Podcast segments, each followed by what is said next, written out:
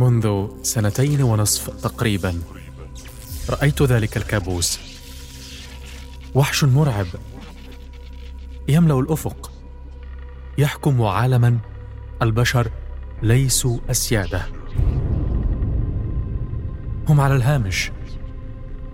ذلك الوحش هو ذروة الذكاء الاصطناعي. الذي أخذ يتعاظم ويتعاظم. حتى صار ذكاؤنا نحن البشر. مقارنة به كذكاء النمل بل أقل.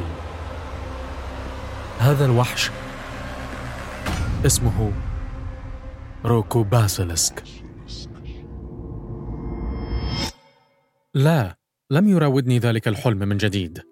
لكن إرهاصة ذكاء اصطناعي فائق. لم يعد شيئا من عالم الكوابيس والأحلام بل انتقل إلى أرض الواقع أو بالأحرى إلى شاشة الحاسوب. Chat GPT. Chat GPT. Robot Chat GPT. Maybe you've heard of It's it. gained popularity for its ability to craft emails. This promises to be the viral sensation that could completely reset how we do things. حديثنا عن تشات جي بي تي سيكون خاطفا لأننا نرمي إلى ما وراء تشات جي بي تي في هذا البودكاست نزور جامعة جورج تاون وتحديدا قسم التاريخ لنقرأ من الماضي ما الذي يمكن أن يكون عليه مستقبل البشر والروبوتات سنأخذ جولة في مصنع روسم للروبوتات في حقبة ما بعد الحرب العالمية الأولى حيث ظهرت كلمة روبوت لأول مرة فما الذي تعنيه هذه الكلمة؟ وهل الطريق إلى ذكاء اصطناعي متناه متفرد أمر محتوم؟ هل هناك ما يمكننا فعله من أجل ألا يخرج ذلك الذكاء الاصطناعي المتفرد. عن السيطرة؟ مصنع الروبوتات. هذه حلقة جديدة من بودكاست فصول. أنا محمود الشعراوي. معا نروي فصول الحكاية. منذ عدة أسابيع وأنا أستخدم تشات جي بي تي وأتابع أخباره. صحفي نيويورك تايمز يكشف الجانب المظلم من تشات جي بي تي. تشات جي بي تي يريد أن يكون حيا. عالم الأعصاب سام هاريس يعيد التحذير من خروج الذكاء الاصطناعي عن السيطرة. شركة جوجل تكبس الزر الأحمر لأن تشات جي بي تي يهدد عرشها. أتعرف ما الذي تفعله بك المتابعة المستمرة لهكذا أخبار؟ نعم الخوف القلق ولكن أيضا الجوع. ها لابد أن آخذ راحة. لأنني لا أستطيع التفكير في شيء سوى وجبة ساخنة من الشاورما. آه على جوجل طريقة عمل الشاورما. هي النتائج ظهرت. لا أعلم لماذا رتبها جوجل بهذه الطريقة لكني سأختار على أي حال واحدة من هذه الوصفات. هدفي من حضورك معي طقس تحضير وجبة الشاورما اللذيذة هذه هو أن أشارك معك ما أظنه الفرق بين جوجل وتشات جي بي تي فقط انتظر قليلا. أها. أذهب إلى البراد. من هذا. طبعا. بصل. عملية التقطيع هي أمتع شيء في الطبخ. أشعر بالإنجاز حينما تشتعل الشعلة من أول مرة. وننتظر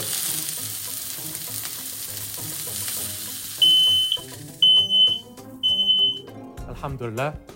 لم يخف ظني واحترق الطعام. لنتخلص من الدخان. ولنعدل عن فكرة عمل الشاورما في البيت ولنطلب ذلك من تشات جي بي تي شاورما. ها هي. وصل الطعام. كانت وجبة المطعم أو بين قوسين وجبة تشات جي بي تي جيدة. ليست عظيمة لكنها ليست سيئة أبدا. الفارق بين جوجل وتشات جي بي تي أنك إذا بحثت عن شيء على جوجل سيكون عليك أن تنتقي بين النتائج والمعلومات وتقوم ببعض الطهي حتى تصل إلى ما تريد. هذا إذا كنت تعرف كيف تطهو. زي كده. أما إذا استخدمت تشات جي بي تي فإنك ستحصل على ما تريد بضغطة زر. كأنك تطلب طعاما من مطعم للوجبات السريعة. لكنك أبدا لن تعرف شيئا عن المكونات المعلومات المراجع وطريقة التحضير. بالمناسبة يعتمد تشات جي بي تي بنسخته الحالية على 175 مليار parameters ما هو ال parameter؟ سؤال جيد. إذا فكرت في تشات جي بي تي على أنه آلة سيكون ال parameter ترس. أما إذا فكرت في تشات جي بي تي على أنه شيء يشبه الدماغ البشري سيكون ال parameter وصلة عصبية. عدد الوصلات العصبية في الدماغ البشري تقترب من 100 تريليون وصلة عصبية. وهذا تقريبا سيكون عدد ال parameters في تشات جي بي تي 4 يعني التقديرات تقول أنه سيكون أذكى ب 500 مرة من النسخة الحالية. I don't think we're ready for it. When we say, well, ChatGPT doesn't know what it's saying, it's not conscious. We know it's not conscious because it's not programmed to have a consciousness. We are actually ignoring the other half of the story, which is that we don't know how human consciousness works, and we don't know how it develops in a child. Right? A child is exposed to a world of adults talking around them, and the child experiments first with phonemes and then words and then clusters of words and then sentences. And by doing something that isn't all that far from what ChatGPT is doing, it ends up becoming a conscious individual. بريت واينستين أستاذ البيولوجيا التطورية يقول أن الطريقة التي يتعلم بها تشات جي بي تي تشبه الطريقة التي يتعلم بها أو يكون الأطفال بها وعيهم فهل يكبر جي بي تي يوما ما ويصير مستقلا وإن حدث فما المشكلة؟ And given the assumption that we just continue making incremental progress, at a certain point, we'll get to the to human level intelligence and beyond. There are probably more ways to do it badly than to do it perfectly. هم. إذا فسام هاريس متشائم. رأيه أن احتمالات أن يخرج الذكاء الاصطناعي عن السيطرة أكثر بكثير من غيرها من الاحتمالات. ولذلك الاعتقاد ما يؤيده بدءا من استخدام الديناميت في القتل بدلا من التعدين واستخدام الطيران في القصف بدلا من التنقل والطاقة النووية في التدمير للإنارة. وإذا أضفت إلى ذلك أن هذه التكنولوجيا فريدة في أنها قد تكون مستقلة في اتخاذ القرارات. ونقلت كل هذه المخاوف إلى مطور التكنولوجيا Some very smart people, ranging from Elon Musk to Sam Altman, who I just saw in the hallway here, your partner at OpenAI, have raised the specter of AI somehow going wrong in a way that is lights out for humanity. You're nodding your head. You've heard this too. Yeah. ستكون الإجابة Look, I mean, look, runaway AI is, i- if it happens, it's a real problem. And so the way to sort of deal with that is to make sure it never runs away. نعم هذه مخاوف مشروعة ولكن نحن متفائلون The car of humanity is at a crossroads. To the left is dystopia, to the right is utopia. The blinker is on. Which way is it pointing? It's utopia. ستكون يوتوبيا وليست ديستوبيا الجدل بين هذين الفريقين فريق اليوتوبيا الذي يرى الذكاء الاصطناعي حلما ورديا وفريق الديستوبيا الذي يرى الذكاء الاصطناعي كابوسا مرعبا جدل قديم قديم جدا ليس لشهور ولا لسنوات بل لقرن كامل. في عام 1920 الكاتب التشيكي كارل شاباك نشر روايته مصنع رسم للروبوتات. تدور أحداث الرواية في سنة 2000 عن مصنع للروبوتات لكن التشابه بين بعض أجزاء الرواية المسرحية وما يحدث اليوم لافت جدا للانتباه. لذلك أنا في طريقي إلى جامعة جورج تاون. سمعت برواية مصنع روسم للروبوتات من صديق لي اسمه ياسر سلطان مدرس التاريخ بجامعة جورج تاون ياسر درس طلابه هذه الرواية العام الماضي.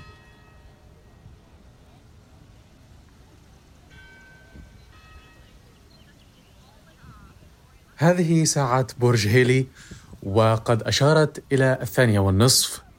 مبنى هيلي قاعة هيلي هو أقدم بناية في جامعة جورج تاون وقد بنيت على الطراز الفيكتوري القوطي آه، وإن كانت تبدو لي بلونها الرمادي الداكن كقلعة دراكولا. مخيف هذا المبنى بعض الشيء لكننا لسنا هنا من أجله. آه أنا في الردهة المؤدية إلى مكاتب الأساتذة. آه بروفيسور كولينز بروفيسور ماكاتريك آه بروفيسور سلطان ها هو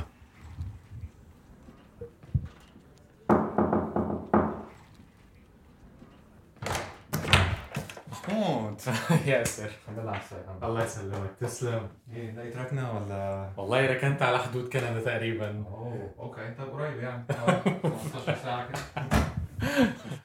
آه، أول مرة هنا في جورج تاون؟ أول مرة جورج تاون. لم أكن قد قرأت الرواية بعد. شكرا. لذلك كان سيقتلني الفضول.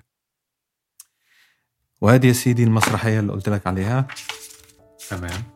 مسرحية R.U.R. Rossum's Universal Robots روبوتات روسوم العالمية.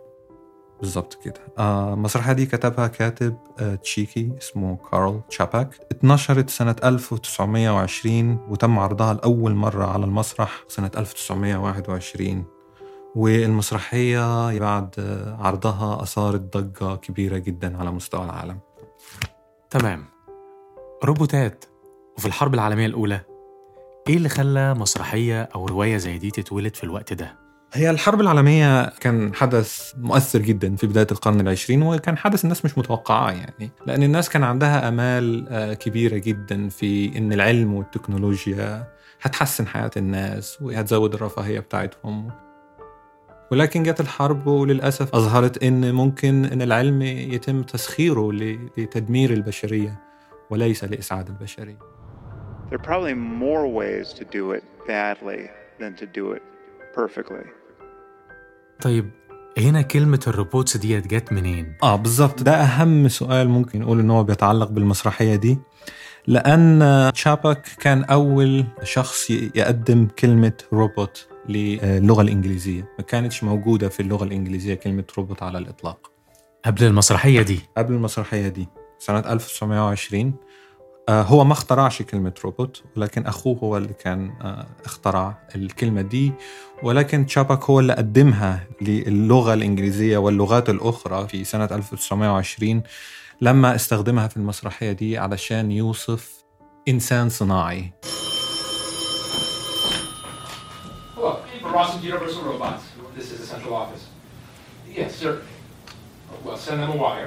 مش إنسان آلي. آه بمعنى إن هو هيكل معدني يشبه الإنسان وبيمشي زي الإنسان ولكن هو آه كائن يشبه الإنسان آه في شكله وفي مظهره وفي في حركاته ولكن هو في نفس الوقت تم تجريده من بعض الصفات الإنسانية اللي الرأسماليين كانوا بيشوفوها خصائص غير مفيدة آه أو غير ضرورية في العامل. صاحب المصنع اللي في المسرحية ديت قدمها للعالم إن هو هينتج عامل مختلف عن البشر عامل فيه كل صفات البشر ولكن بدون آه، الصفات السيئة دي فهو عامل بلا روح But every robot, after a time attack, is a strict no order. matter. She's not going in. I can prevent it. I warn you, it's dangerous.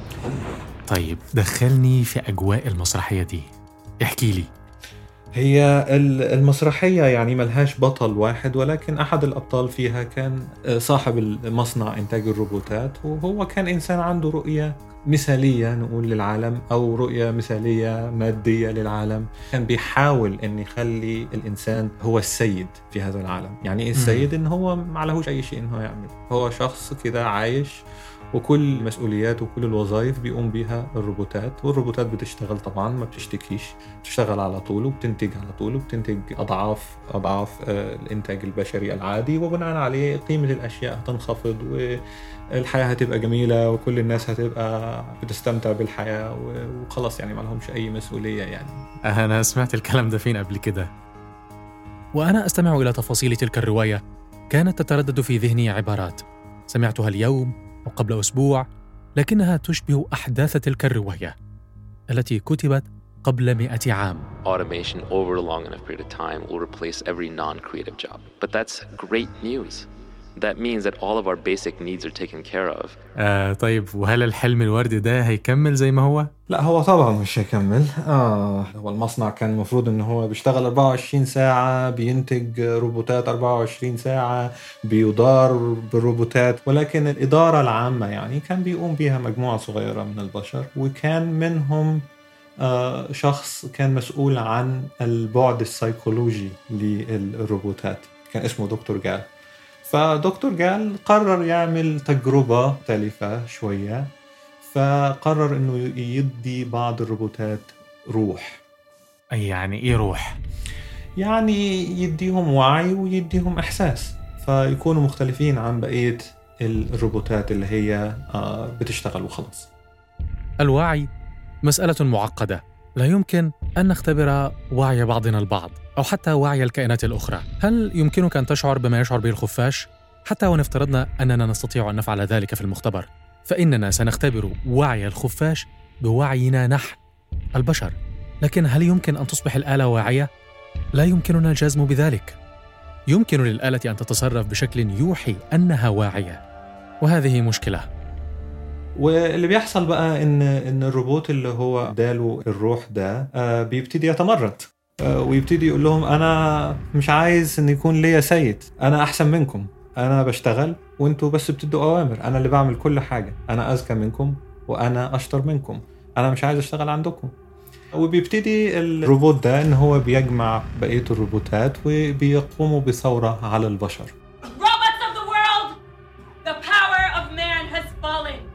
A new time has arisen. The rule of the robots. March!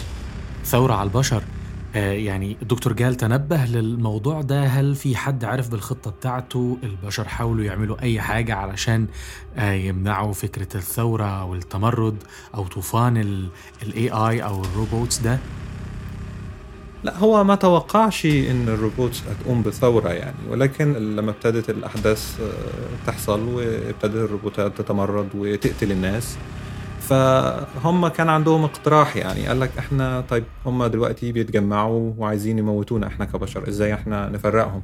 فكان في اقتراح يعني قال إن إحنا نعمل مصانع مختلفة وكل مصنع ينتج روبوتات يكون لونها مختلف تتكلم لغة مختلفة. وعندها قومية مختلفة. وبناء عليه يعني إن هم مفيش روبوتين من مصنعين مختلفين آه، هيقدروا إن هم يتواصلوا مع بعض أو إن هم يتحدوا في تمردهم ضد البشر يعني. وهيكرهوا بعض زي ما البشر بتكره بعض بالظبط بسبب القوميات. ويا ترى هل نجحت الخطة دي؟ لا هي الخطة ما نجحتش. لأنه الفكرة كانت متأخرة شوية لأن ال- الروبوتات في المسرحية كانت بالفعل قامت بالثورة وقتلت البشر في كل مكان باستثناء الجزيرة اللي عليها المصنع. المصنع اللي كان بينتج الروبوتات. بالظبط آه مصنع إنتاج الروبوتات. هم حصروا وقتلوا خمسة من الست أشخاص اللي كانوا بيدوروا المصنع وسابوا المهندس فقط وهم كانوا عندهم سبب إن هم يسيبوه قالوا إن هو شبهنا. لأنه بيشتغل بايده مش زي البشر اللي هم بيدونا اوامر Wait! Leave him! He works with his hands, like the robots. Kill me? You will work. You will build for us. You will serve us! وهم كان بالنسبة لهم شيء مهم جدا ياخدوا المصنع لأن هم ما بيتكاثروش. فالطريقة إن هم يفضلوا موجودين آه، على وجه الكرة الأرضية كان إن هم لازم يحتلوا المصنع ويبتدوا إن هم يستخدموه في إعادة إنتاج نفسهم. ولكن اللي ما كانوش يعرفوا إن أحد يعني في شخصية أخرى كانت حرقت الكتالوج اللي كانوا بيستخدموه في إنتاج الروبوتات وكان هو كتالوج وحيد وكان في وصفة سرية. بناء عليه يعني إن ال- البشرية آه، انتهت لأن الروبوتات دمرتهم والروبوتات نفسها دمرت نفسها لأن هم قتلوا البشر اللي بينتجوهم. يعني رواية مبهجة للغاية آه، شبه كده قلعة هيلي أو قلعة دراكولا اللي عندكم في جورج تاون. طيب يا سيدي بما إنك قلت قرأ دراكولا تعالى بقى أفرجك على على المكان بره ممكن تغير يلا. بينا. ممكن. يلا بينا. يلا بينا. ها وريني بقى يا سيدي الجامعة. بص يا سيدي أنت أكيد شفت قاعة هيلي. ده أجمل مبنى في الجامعة و... ممكن نختلف على الموضوع ده؟ هو أقدم مبنى خلاص يعني مش الهواء الطلق والحديث عن جورج تاون خفف من النهاية الحزينة للرواية الجيد في هذا الأمر أن أحداث هذه الرواية لم تحدث على أرض الواقع هؤلاء الذين يطلقون صيحات التحذير من ذكاء اصطناعي يخرج عن السيطرة يرفقون تلك الصيحات التحذيرية باقتراحات لتجنب ذلك السيناريو المرعب that one needs to build an architecture in which this can't get away from you. Right? And so the architecture that I advocate for is actually a metamorphosis architecture where metamorphosis is not allowed. It is an affirmative choice of humans. بريت واينستين أستاذ البيولوجيا التطورية يقترح بناء هيكل تنظيمي يضع حدودا لتعلم الآلة حتى لا تخرج عن السيطرة فلنقل على سبيل المثال أننا اخترعنا ضفادع وزودناها بالقدرة ضفادع روبوتية وزودناها بالقدرة على التعلم الذاتي.